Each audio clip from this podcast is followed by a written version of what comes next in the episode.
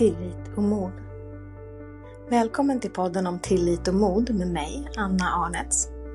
En plats att reflektera över djupet och vidderna inom oss. En plats för nya tankar, nya perspektiv, nya vägar och ett helt nytt liv.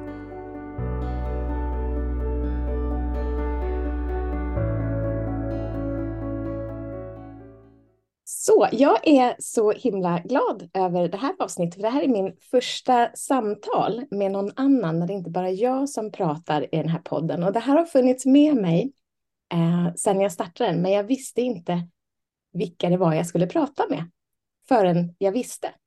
Och den första jag visste, det var du Nadja. Så jag är så jätteglad att få välkomna Nadja Wallin hit idag. Vi har en gemensam koppling i energin i pengar. För det är den som vi båda jobbar med, fast på olika sätt. Jag kom i kontakt med dig första gången, nu måste jag tänka efter, det var precis runt nyår och det var 2018, det skulle bli 2019. Mm. Och det var i en, det var genom Facebook och jag kan inte riktigt förklara längre vad det var vi gjorde. Det kanske du kan förklara bättre. Men jag vet att det handlar om pengar och manifestation. Mm. Jag vet inte vad som hände på Facebook, men jag skulle kunna tänka mig att länken oss ja, emellan var Marina. Marina var länken emellan. Ja, Marina Eskola. Hon har länkat ja. mig med många fina människor. Hon ja. är en generös jäkel på att länka ihop folk. Det... Verkligen. Men det som hände för mig under det här samtalet, för det handlade om att sätta intentioner för um, att manifestera. Och under det här samtalet så tänker jag bara så här, ja, under 2019 så ska jag manifestera en miljon kronor. Mm. Bara så där, jag vet inte var det kommer ifrån, utan bara ta en siffra. Och året går. Och det blir liksom så här november och jag är så här, men de där pengarna, jag har inte sett in några pengar. Vad hände med de där pengarna? Och så börjar jag liksom backa tillbaka och ser vad som har hänt. Och det som hände under sommaren 2019 var att jag kom i kontakt med en lokal som jag fick hyra som yogastudio. När jag såg den här lokalen första gången var den helt urblåst. Det fanns eh, inga innerväggar, inga innergolv, inga innertak, det var bara betong. Och under mina önskemål och eh, tillsammans med den här eh, hyresvärden så renoverade han den här lokalen för ungefär en miljon kronor. Mm. Och du så fick pengar, göra vad du ville. Jag fick göra den. vad jag ville. Eh, och det kom saker till den här lokalen som jag jag bara tänkte, jag hann inte säga det till honom, utan jag sa till en kompis att vad fint det vore med värmegolv i hela lokalen. Och min kompis sa så här, fast det är ju jättedyrt. Och så kommer hyresvärden några dagar senare och sa, jo men så tänker jag att vi har lagt in värmegolv i hela lokalen. Fantastiskt. Så, och det blev så fint för det visar verkligen att de här pengarna behöver inte komma genom mig. De kan komma mm. till mig fast på ett helt annat sätt. Mm. Och så blir det också en spännande öppning när man bara, men jag vill ha en miljon kronor, men man säger inte till vad. Nej, eller hur? Då kan det, det också vara en spännande surprise. Eller men hur? vilken jättefin eh, ära att få vara första gästen här i podden. Det är ja. jättekul. Och så ska vi berätta lite mer om vad, eh, vad du gör. För du jobbar ju med pengar och du jobbar med företagare. Och främst i medlemstjänsten eller vad vi ska kalla mm. det för som heter Awake ja. Rich. Vad kallar ja, ni det för? För medlemstjänst kan låta lite så här styltigt på svenska. Ja, nej, men precis. Nej, men det, är, det är ett medlemskap om man väljer att gå med. Eh, och man får utbildning inom företagande. Man får utbildning inom självutveckling och då är med fokus på mina, mina två starka ben är ju då intuitionen och relationen till pengar. Och så gör jag det här tillsammans med min kollega som också heter Anna, men hon heter Anna. Såklart. Många Annor, Annor, är bra, Annor är bra folk ja. har jag lärt mig. Ja. Eh, och hennes liksom, starka sida är affärsutvecklingen som hon har jobbat med i alla år.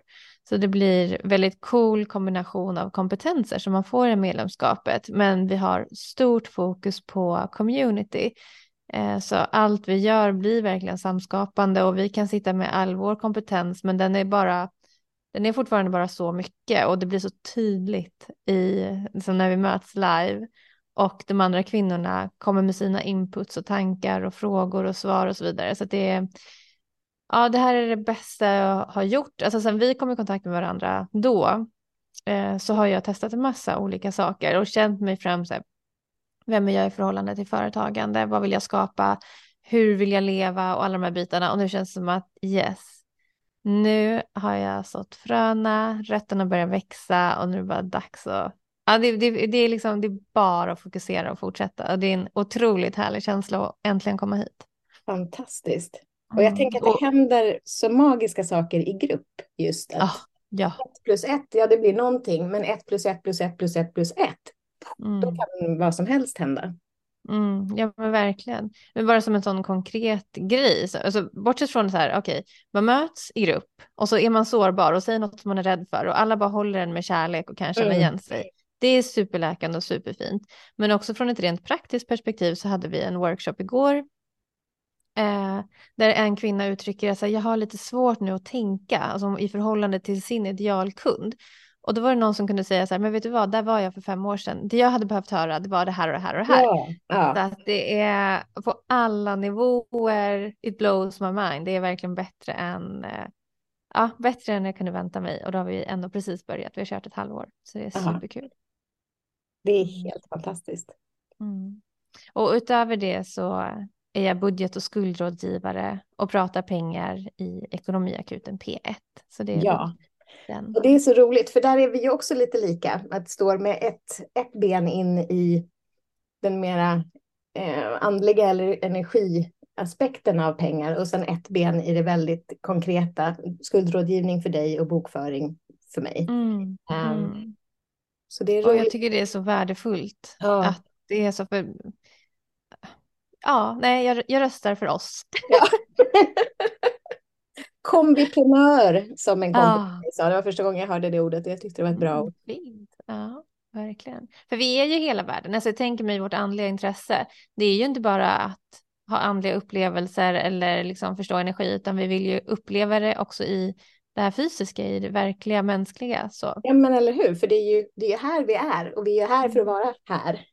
Precis. Så det är fint att få vara bron. Mm. Verkligen, och jag ser fram emot världen när det inte är en bro, utan det bara är. Ja, eller hur. Men mm. några måste gå först. Så är det. Så är det. Mm. Ja, men eh, tillit och mod, var, var ska vi börja? Eller ska vi väva ihop dem? Eller? Mm. Ja, men det får du nog eh, känna efter. Ja. Jag fick en så fin feedback på ett avsnitt som jag hade spelat in som hade just titeln Tillit och mod. Och då var det en som hade lyssnat och så skrev hon så här att för mig kommer modet när jag är på promenader eller när jag sätter mig i rörelse, då kommer modet. Mm. Och tilliten hittar jag i stillhet. Nu, nu lägger jag mina ord på det, men på något sätt modet kommer i rörelse och tilliten kommer i stillhet. Och den här har jag gått med sedan hon eh, skrev det för några dagar sedan. Och det kändes så fint och så sant för mig. Mm. Um, så att de, de hör ju ihop, men de är ju också två helt olika saker. Mm. Ja, alltså min första association till mod, om vi bara pratar mod, ja. tänker jag, alltså då är jag uppväxt med Bamse. Så då tänker jag på Lille Skutt som är ja. jätterädd men som gör det ändå. Eh, och som jag tänker på tillit, då tänker jag faktiskt på mig själv. och tänker jag på en, en inställning som jag har haft. Eh, av att det, det kommer alltid lösa sig. Det kommer alltid bli bra. Det har varit en grundinställning som jag har haft. Mm. Men det har också varit intressant att eh, titta på den grundinställningen. Så att om jag, eh, jag vet när jag, när jag var mm, vet inte, 21, 22 så åkte jag utomlands för första gången för att vara borta länge. Och det var ganska läskigt. Men jag, hade, jag såg hela tiden, liksom, jag hade som en bild i huvudet som var som ett soundtrack om mitt liv. Och det var hur jag var alltså, i hoppet från bryggan ner till sjön. Mm. Och min, liksom, mina ord kring den här bilden det var att om jag doppar tån i vattnet för att känna efter, då är det för kallt, då kommer jag inte bada. Nej. Men om jag hoppar så är jag snart i. Så den var liksom med mig i många år. Som en, jag kan inte säga att den var där för att ge mig någonting, det var mer som en beskrivning av hur jag levde mitt liv. Så. Mm. Och andra ord att beskriva det på, det skulle vara ogenomtänkt, naiv och gränslös. Och jag, det, det dyker inte alls upp för mig. Jo, nej men alltså, jo ja, när jag tänker tillbaka ja, på liksom skuggsidan ja, av det. För det finns ju olika, man har ju olika faser i livet. Ja men absolut. Och det kommer ju med väldigt mycket efterklokhet. Mm, så, och förmågan att, ja precis, förmågan att växa. Så, det, så den här liksom, de här hoppen har ju verkligen gett många fina saker, men det har också gett mycket att så här, uff, okej, okay, här har vi saker att ta ta tag i. Här var saker mm. jag inte såg om mig själv och alla de här bitarna. Och vad jag insåg med tiden det var att min definition av det kommer alltid lösa sig var ändå ganska eh, liksom fattig eller liksom eh, det fanns inte så mycket utrymme för mig. Så att mm om, man, om jag jämför, jag, tänk, jag tänker på en klient slash vän till mig nu som också satt och pratade som men jag vet att det kommer alltid lösa sig och då vet jag att jag tänkte på så här, hmm, vad är skillnaden när hon säger det och när jag sa det vid samma ålder? Jo, när jag sa det kommer alltid lösa sig, då kunde jag vara nollad på bankkontot. Just det. Jag kunde ha gympaskor med raggsockor i istället för vinterskor. No problem. Alltså jag var inte stressad över det. Jag tyckte inte synd om mig själv för det. Men det var, det var lite som jag gav mig själv utrymme till. Mm. Ja, folk kunde behandla mig ganska illa. Jag satte inga gränser. No problem. det löser sig.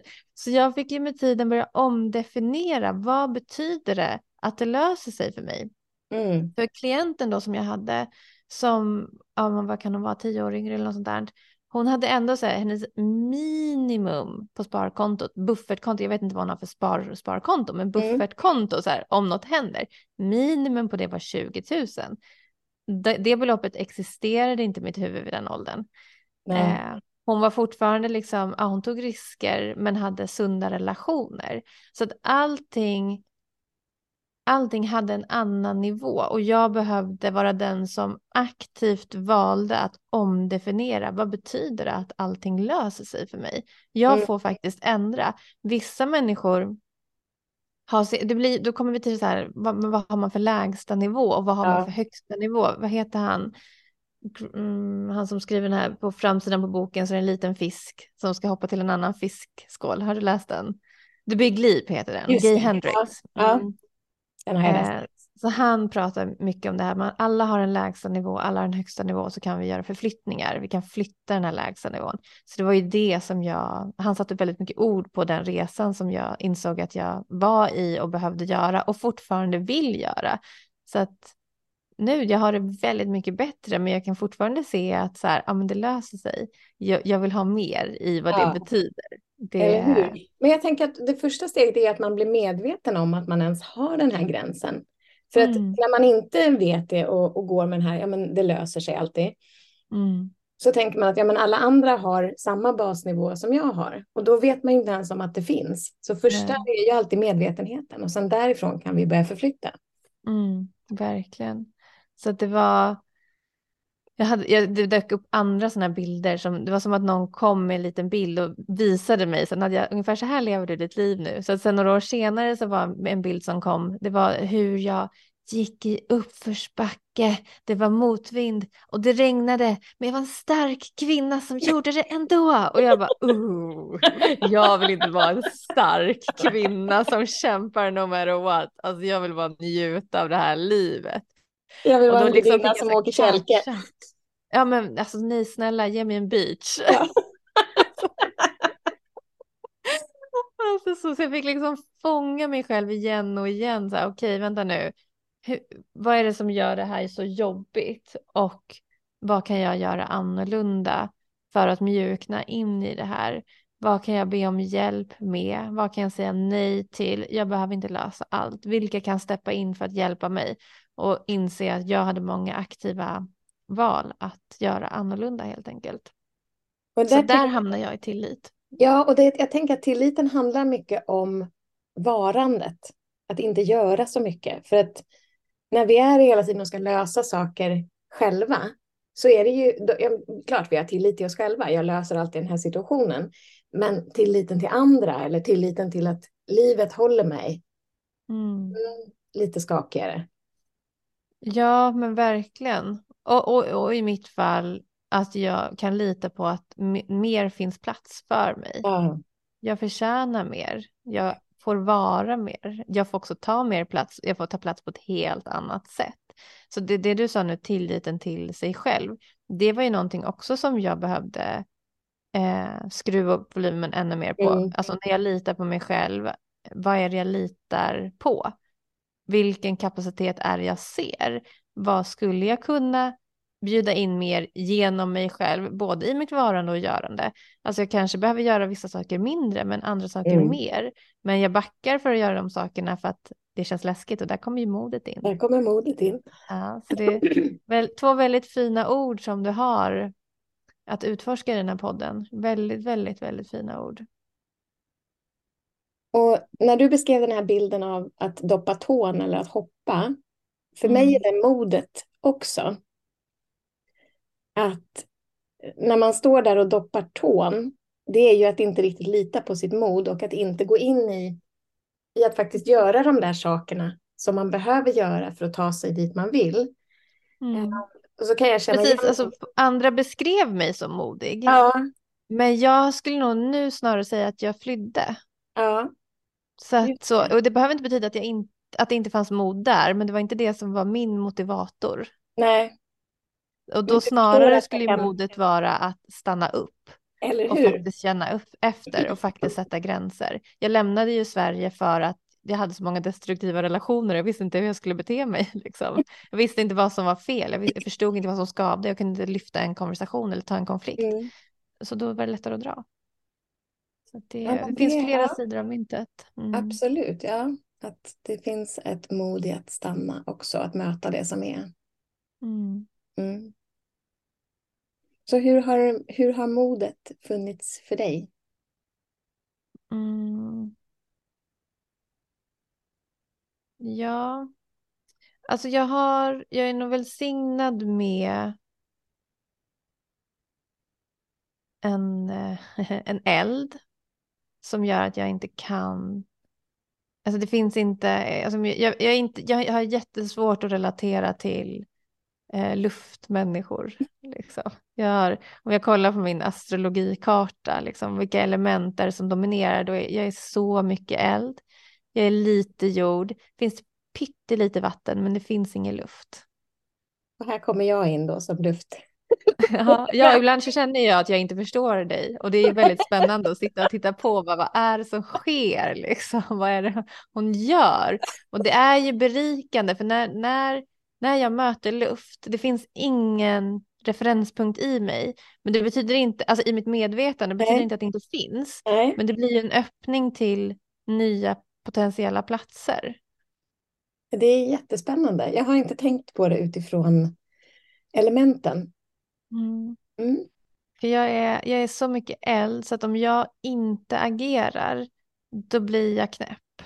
Mm. Och agerar jag för mycket så blir jag helt slut. Så det är en, eh, jag hade en eh, reading med någon astrologi-tjej för några år sedan. Hon var amerikanska. Och då sa hon, uh, your, uh, typ, your task is to give yourself fire, uh, give yourself wood so the fire can continue to burn. Eh, och typ att så här, all you, but you have to practice to pace yourself. Mm. Och det var det enda ordet jag inte förstod på hela den här timmen. Det var pace. Alltså mm. tar liksom en sak i taget, typ tar lite lugnt. Och jag bara, sorry, what does pace mean? Och hon bara, wow, alltså garvade ihjäl sig. Jag bara, ursäkta, engelska är mitt second language. Hon bara, hon bara, du förstod allt annat perfekt. Hon bara, jag måste få skratta för det här är kul. Jag bara, känner mig lite kränkt. Så jag bara, mm, okej. Okay. så, och Ja. det, det har ju krävts, alltså det blev ju lite så identitetskris, så här, okej, för jag inte agerar på allt nu, måste jag stanna upp? What, liksom? Låt mig bara få springa på. Mm.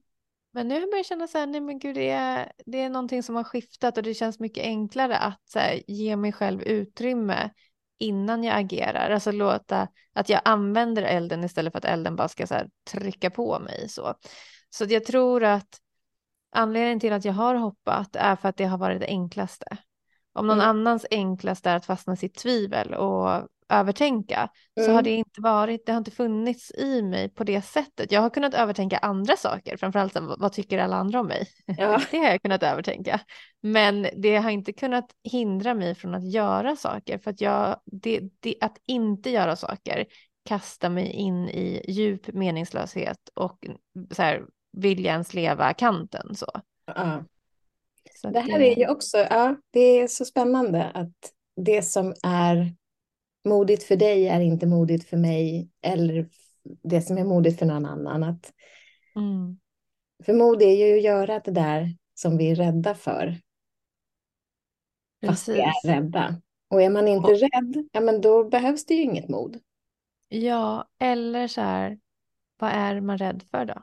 Ja. Våga ställa sig den frågan. Jag vet, jag satt på någon, någon yogagrej när vi skulle skriva lite grann och så, och så var eh, frasen som inledde övningen var så här, om jag inte var rädd, vad skulle jag göra då? Och jag bara, rädd? Alltså rädsla är inte mitt problem.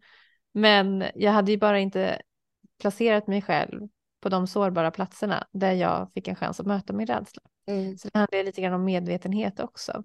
Och sen också så att man kan inte göra allt samtidigt i livet. Det, så, det kom, rädslan kom och knackade på dörren. Jag behövde liksom inte jaga den. För sooner or later, when needed, it will show up. Så.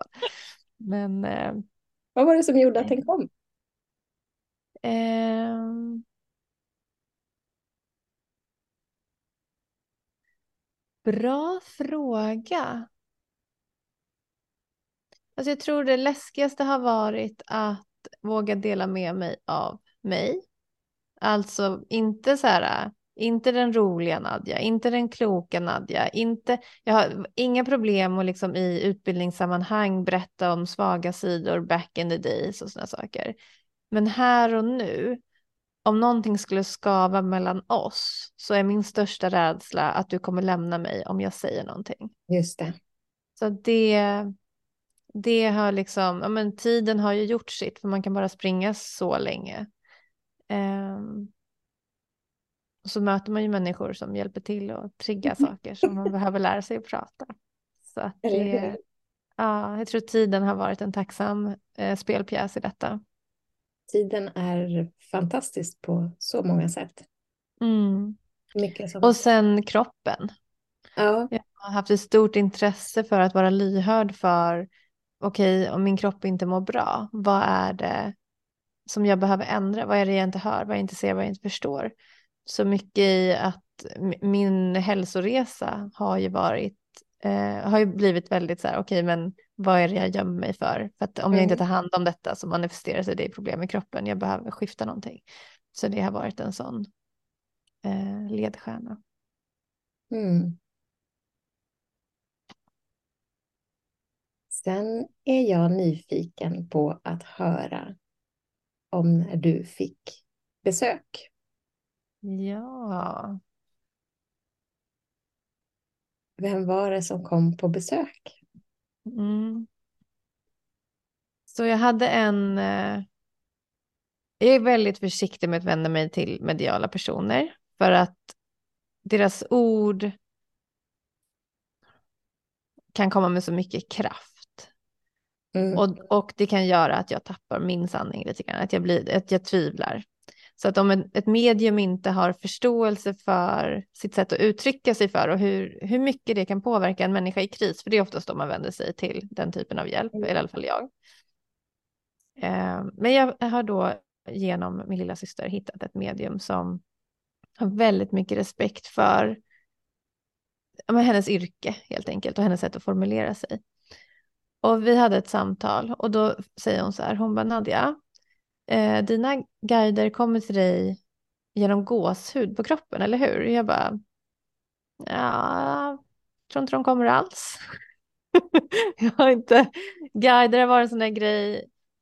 Så, så en, annan, en annan del av min bakgrund eh, för dig som lyssnar det är att jag eh, man har utforskat det andliga jättemycket. Jag hittade, ja, om folk kunde prata med spöken, då ville jag också testa. Så gick jag någon kurs och bara, okej, okay, jag kan, men jag är inte intresserad. Keep on going.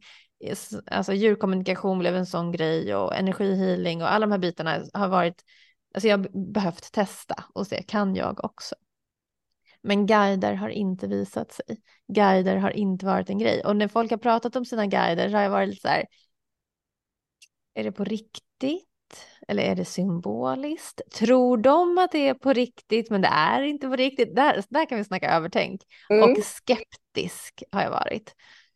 Och sen då framförallt min teacher i intuition, Christy Mary Sheldon, hon berättar alltid att hennes resa började med att hennes guider visade sig i hennes vardagsrum och berättade för henne hur hon skulle göra och vad hon skulle göra. Och jag bara, Oh, vadå, alltså stod de i hennes vardagsrum eller var de i hennes huvud när hon var i vardagsrummet? Alltså, vet, och jag har tänkt och tänkt och tänkt och tänkt och jag har läst böcker och jag har bett och jag har gjort övningar och ingenting har hänt. Och så säger det här mediet, ja men dina guider, de visar sig med gåshud, eller hur? Och jag bara, jag kan jag inte säga att de visar sig särskilt mycket alls. Så hon bara, ah, ja men det kommer komma, du behöver inte oroa dig liksom. Och det är med gåshud. Jag bara, ja ah, okej. Okay. Whatever, allt annat gillade jag. Det där tog jag med en nypa salt. Och så tar jag en promenad eh, ja, och så har jag haft en guideupplevelse då som var väldigt fysisk, väldigt konkret, som var väldigt jättehäftig och spännande. Och en tid senare så tar jag, och han säger också, han heter Hank, och han, han har gjort det han ska göra. Det är, liksom, det är inte någon som jag ska prata med eller hänga med, utan han kom för att hjälpa min kropp att varva ner helt enkelt. Eh, så, vilket blev en jättespännande upplevelse i sig, men jag vet att det är inte dit vi är på väg. Mm. Så jag sparar den historien till ett annat tillfälle, för den är störd. Men, eh, vi kanske kommer dit idag också. ja, precis. Och så tar vi en promenad, eller vi, jag tar en promenad. lyssnar på en podd, lyssnar på en podd och då har jag en grej ibland att när jag, om jag lyssnar på en podd, då blir jag nyfiken på hur lät det här från början? Alltså hur var de första avsnitten? Mm. Så jag scrollar tillbaka två år eller något sånt där i den här poddlistan. Och så hittar jag ett avsnitt som heter så här, ja ah, typ manifesting money, det, det, det, och det är ju mitt intresse. Så jag bara okej, okay, undrar vad hon hade att säga om det här för två år sedan, kul. Mm. Och då börjar hon prata om hur hon tar en en ekonomisk risk som jag som då med min skuldrådgivarbakgrund känner bara så här, uh, jätteonödigt. Vi behöver inte utsätta oss för sånt här. Det kan gå så himla fel. Och där, är jag väl, där, är jag, där är min tillit för mirakel är liksom inte så stor. Alltså, för det är, uff, jag, jag är ärrad, påverkad av mina klienters historier. Anyways, hon tar en ekonomisk risk och får panik. Hur ska hon lösa det här? Så hon åker, och, och hon åker till Bali och läser någon bok om gudinnan Lakshmi som är då gudinnan för wealth and abundance. Eh, jag antar att det är hinduismen, det kanske du vet? Ja, hon är hinduisk. Hon är hinduisk. Och då när hon berättar om det här så får jag så mycket gåshud över hela min kropp. Och jag bara, nej, alltså mycket kan jag köpa, men att gudinnan av wealth and abundance ska komma hit till Nadja i Södertälje, där går gränsen. och gåshuden bara zoom, zoom, zoom, zoom, zoom. Jag bara, eh, okej, okay, pausa podden. Jag bara, jag bara, hej Lakshmi, zoom, zoom, zoom, zoom. Jag bara, okej, okay, det här är så weird, så weird, så weird, men också ganska kul. Så jag lyssnar klart på podden och lär mig att Lakshmi tycker om när man städar till henne. Och jag bara, ah, okej, okay, sure. Städa har aldrig varit min grej. Eh, jag gör det för att jag är vuxen som tar ansvar, men jag tycker att det är jobbigt och det kan ta lite tid innan jag inser att oj, oj, oj, är det dags att städa igen, lite så. Um, men jag går hem, sätter på mig, hittar så Spotify-mantra till Lakshmi, sätter på på hög volym, städar och när jag städar så hör jag liksom genom mig att jag ska städa in devotion to Lakshmi. Mm. Och det är liksom inte ett ord som jag använt tidigare. Jag har väl hört det, eh, för att jag har hippiekompisar. Men det är liksom inte mitt vokabulär. Men jag bara okej, okay, let's do it. så jag städar in devotion to Lakshmi och det är by far en av de mest vackraste upplevelser jag haft i mitt liv. Alltså det var så vackert och jag kan inte beskriva Ja, jag antar att det, det kanske är så man känner in devotion. Um, mm. För det var så, så, så, så fint. Och jag bestämmer mig för att beställa två böcker för att studera mer. Liksom har hon visat sig, har hon tagit sig tiden att komma till lilla mig i Södertälje, ja men då kan jag väl ändå ta mig tiden att läsa mer om henne. Eh, vilket var fint. Det var första gången som jag, jag har haft lite svårt för det begreppet abundance mm. och haft lite sådär om materialistisk stress kring det och liksom, vad gör vi med miljön? Och liksom, det är den associationen som jag har haft till abundance. Jag har hört vad andra har sagt, men det har liksom inte klickat i mig. Men när jag läste om henne och förstår att hon är tillgänglig för alla precis hela tiden. Men hon vill att man ska be igen och igen och igen och igen och igen mm. och igen. Då förstod jag vad abundance kan betyda, alltså att man faktiskt har att ge. Hon blir ju inte dränerad och känner att hon går i uppförsbacke motvind och alla vill bara ha, ha, ha. det blir inte henne så, utan hon finns här och hon vill ge, men vi behöver be. Och då kände jag så här, wow, okej, okay, kan man ge från den kapaciteten till alla hela tiden, ja men då har man. Så där fick jag en ny liksom, förståelse för ordet abundance och det mm. känns så skönt att få mjukna in i det. Ehm, men så jag fortsätter att städa för henne, eh, tända rökelser för henne. Jag tror inte jag ber om något särskilt utan jag bara lär mig liksom. Hon tycker om när man köper blommor så det gör jag, köper blommor till henne. Ehm, och så har vi då en, eh, det här är liksom ganska kort tidsspann ändå, alltså om vi pratar så här två, tre veckor eller sådär så är jag och barnen, nej, nej så här är det, dagen efter att jag har städat till henne så är jag och barnen i köket och lagar mat, vilket är något vi ofta gör tillsammans. Och det blir rörigt, liksom. man går från höger till vänster, det är olja, stekspade, det är grejer, man hämtar saker. Och helt plötsligt, alltså vi har härjat nu i 40 minuter, helt plötsligt i köket så ligger en sån där liten vit änglafjäder på diskbänken. Och det är också en sån där grej som jag har sett andra vara med om men som jag inte varit med om själv. Mm. Och så har jag tänkt lite så här, ja, alltså det är väl inte jättekonstigt att man får en fjäder ute, det är liksom fåglar överallt. Men det var verkligen med stängda fönster. Jag frågade barnen också, jag bara, varför drar ni in fågelfjäder? Det var min första reaktion. Liksom. Det här vill inte jag ha i köket. Utan bara, vi har inte gjort någonting. Och så slår det mig att vi har, vi har varit där i 40 minuter. Hade fågelfjädern varit där från början hade vi sett den då. Mm. Så att det kändes som en stark bekräftelse på att den här städningen in devotion to, vilket var sån fin, fin upplevelse, blev, då fick jag den här fjädern som en bekräftelse på att mm. fortsätta. Och en tid senare, nu kanske vi är två, tre veckor fram i tiden, så tar jag en promenad med min hund. Jag har en, det finns flera rundor, men det finns en runda som jag tar lite oftare än alla andra. Jag tar en runda med henne, det är midsommarafton.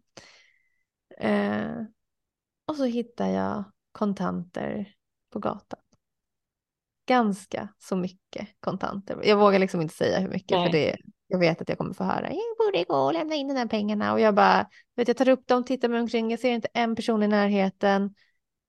Och så hör jag i mitt huvud någonting som jag har läst i boken och det är Lakshmi eh, tar och hon ger. Mm. Så jag var okej, okay, det här kanske är en del i balansen. Så. Mm. Och eh, så det där var liksom starten. Eh, och min, om jag då har den här skeptiska sidan i mig, vilket jag alltid haft till allt jag gör, till alla jag ska lära från, ska jag hålla på och vara lite så här innan. Segt, envist karaktärsdrag, men eh, så är det. Man får ta sig för vem man är.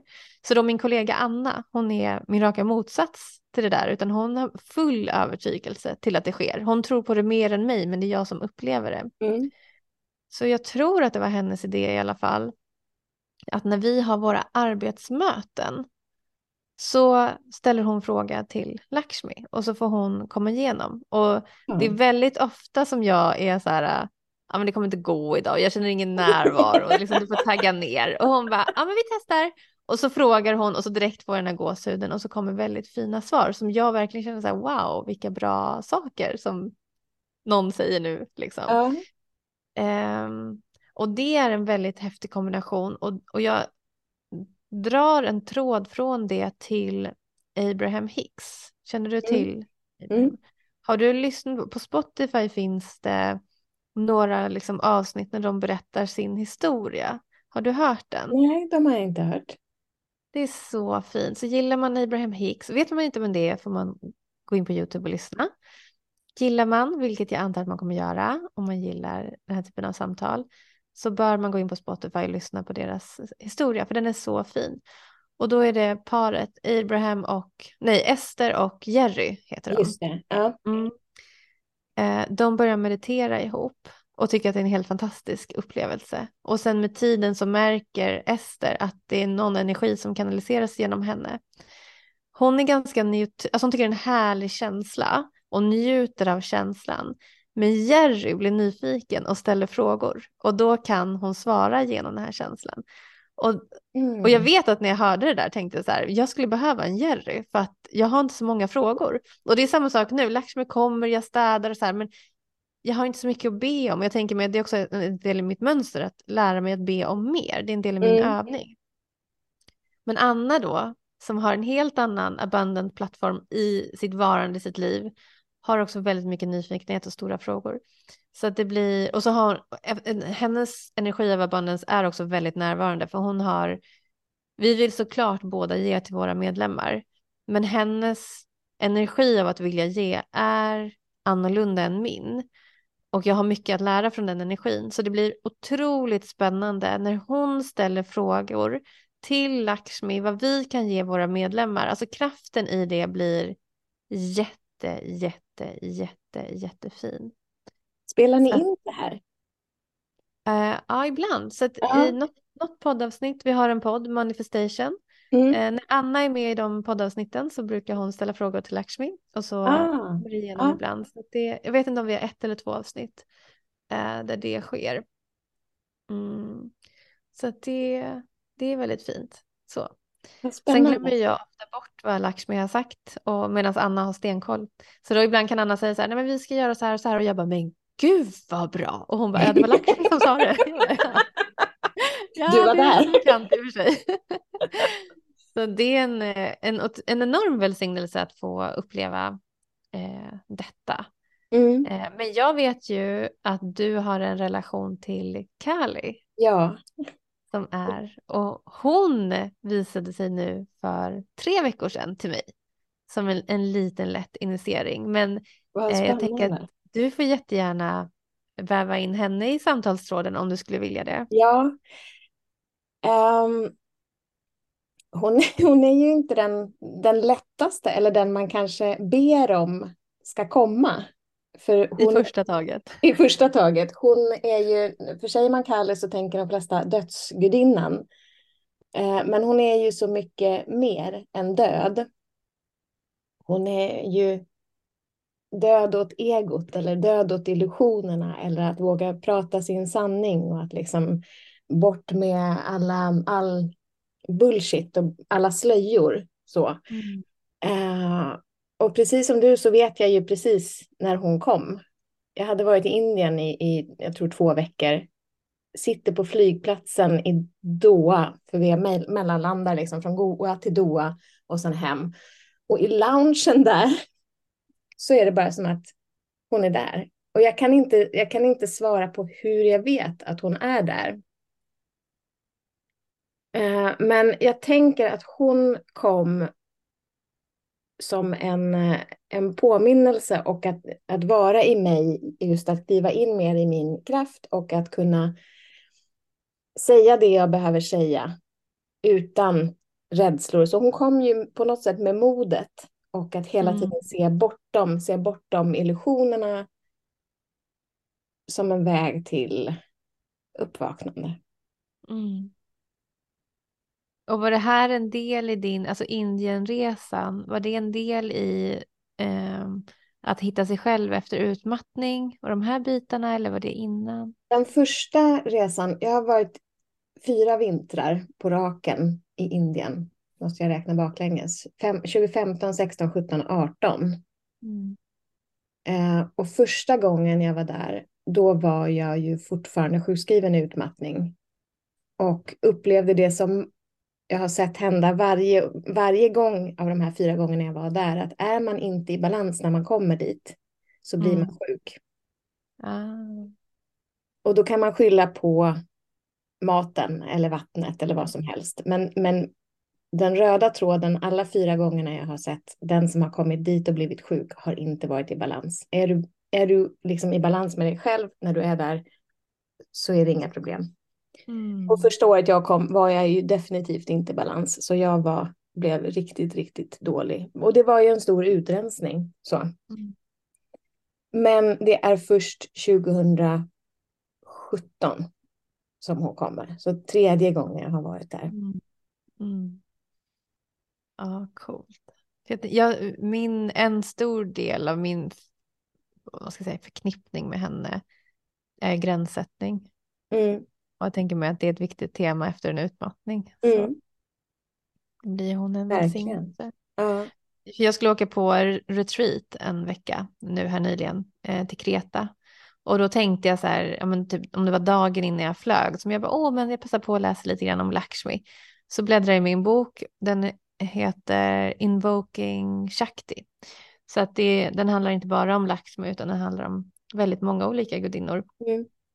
Och då när jag liksom bläddrar i boken så, och bör, jag börjar läsa om Lakshmi känner jag bara så här, så tråkigt, det här kan inte jag läsa.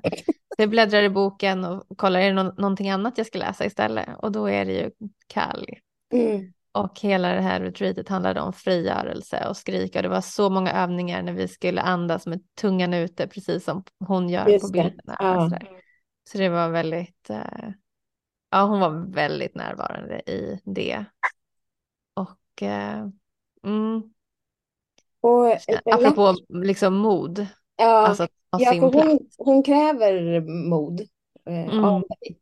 Mm. Och Lakshmi är ju fantastisk, just den här vackra och det är skönheten och det är abundance på alla sätt och vis. Mm. Och Kali är något helt annat, för det är liksom skönhet är så ointressant för henne på något sätt. Mm. Utan det är bara sanning och tydlighet och rakhet. Mm. Och jag upplever en sån urkraft i sitt uttryck. Ja. Alltså behöver du vråla så vrålar du. Och är, är det fysiskt uttryck med liksom, jag vet inte om hon halshugger folk med knivar ja. eller vad hon gör. Det, liksom, det finns inga gränser. Alltså jag ser henne som, alltså ibland om man tänker sig naturen, alltså havet är så stilla och fint och ibland är det storm. Alltså så här, naturen tar ja. sin plats. Jag tänker att hon också gör det. Precis. Och mm att det finns en skönhet i det också. Det finns en skönhet i urkraften som är någonting helt annat än mm. skönheten som kommer med Lakshmi. Verkligen, verkligen. Så att det, ja, känner man sig nyfiken ska man absolut hitta sin väg in till dessa arketyper för det är otroligt givande. Ja, och jag tycker att det är så fint med hinduismen att det finns hela det här spannet av gudinnorna. Mm. Står för så många olika kvaliteter, även om de alla bottnar i Shakti. Mm. Olika ansikten av henne. Så mm. de ja, och, det, och det blir verkligen så här att allting har sin plats. Allting ja. är bra. Allting är fint. Det spelar ingen roll om du vill göra karriär, vara hemmafru eller bråka med någon jäkel på gatan. Allting är bra. Precis. Och jag älskar det. Ja. Jag tänker att vi ska lägga lite länkar i, eh, i texten under det här avsnittet till boken mm. som du pratade om och vi ska ta med det här Abraham Hicks ja. avsnittet eller om det är flera så att det mm. är lätt att hitta. Det gör vi. Mm. mm. Tack för att jag fick vara med. Det var jättefint. Ja. Det känns som att vi skulle kunna spåra iväg många trådar på de här temana. Det var jättekul att prata om. Och jag tänker att det finns ju öppning för att fortsätta prata om det. För vi måste mm. kanske komma tillbaka och prata om Hank. Jaha. Det, är, det, är ju beyond, det är ju det sjukaste. Det hinner vi inte idag så det får Nej, bli, det ska vi kan bli ett helt eget avsnitt. avsnitt. Det finns, nej men gud, nu måste jag alltså, hypa upp det här. Nej, det är, Anna, det är så sjukt. Det är så sjukt. Det är så sjukt och det är liksom. Det är så. Det, it's such a story. Alltså det är en sån story. och då tänker jag att med den här cliffhangern så avslutar vi dagens samtal. Tack för att jag fick vara med. Ja, stort, stort tack. Det har varit helt fantastiskt och eh, vi ses igen. Det gör vi.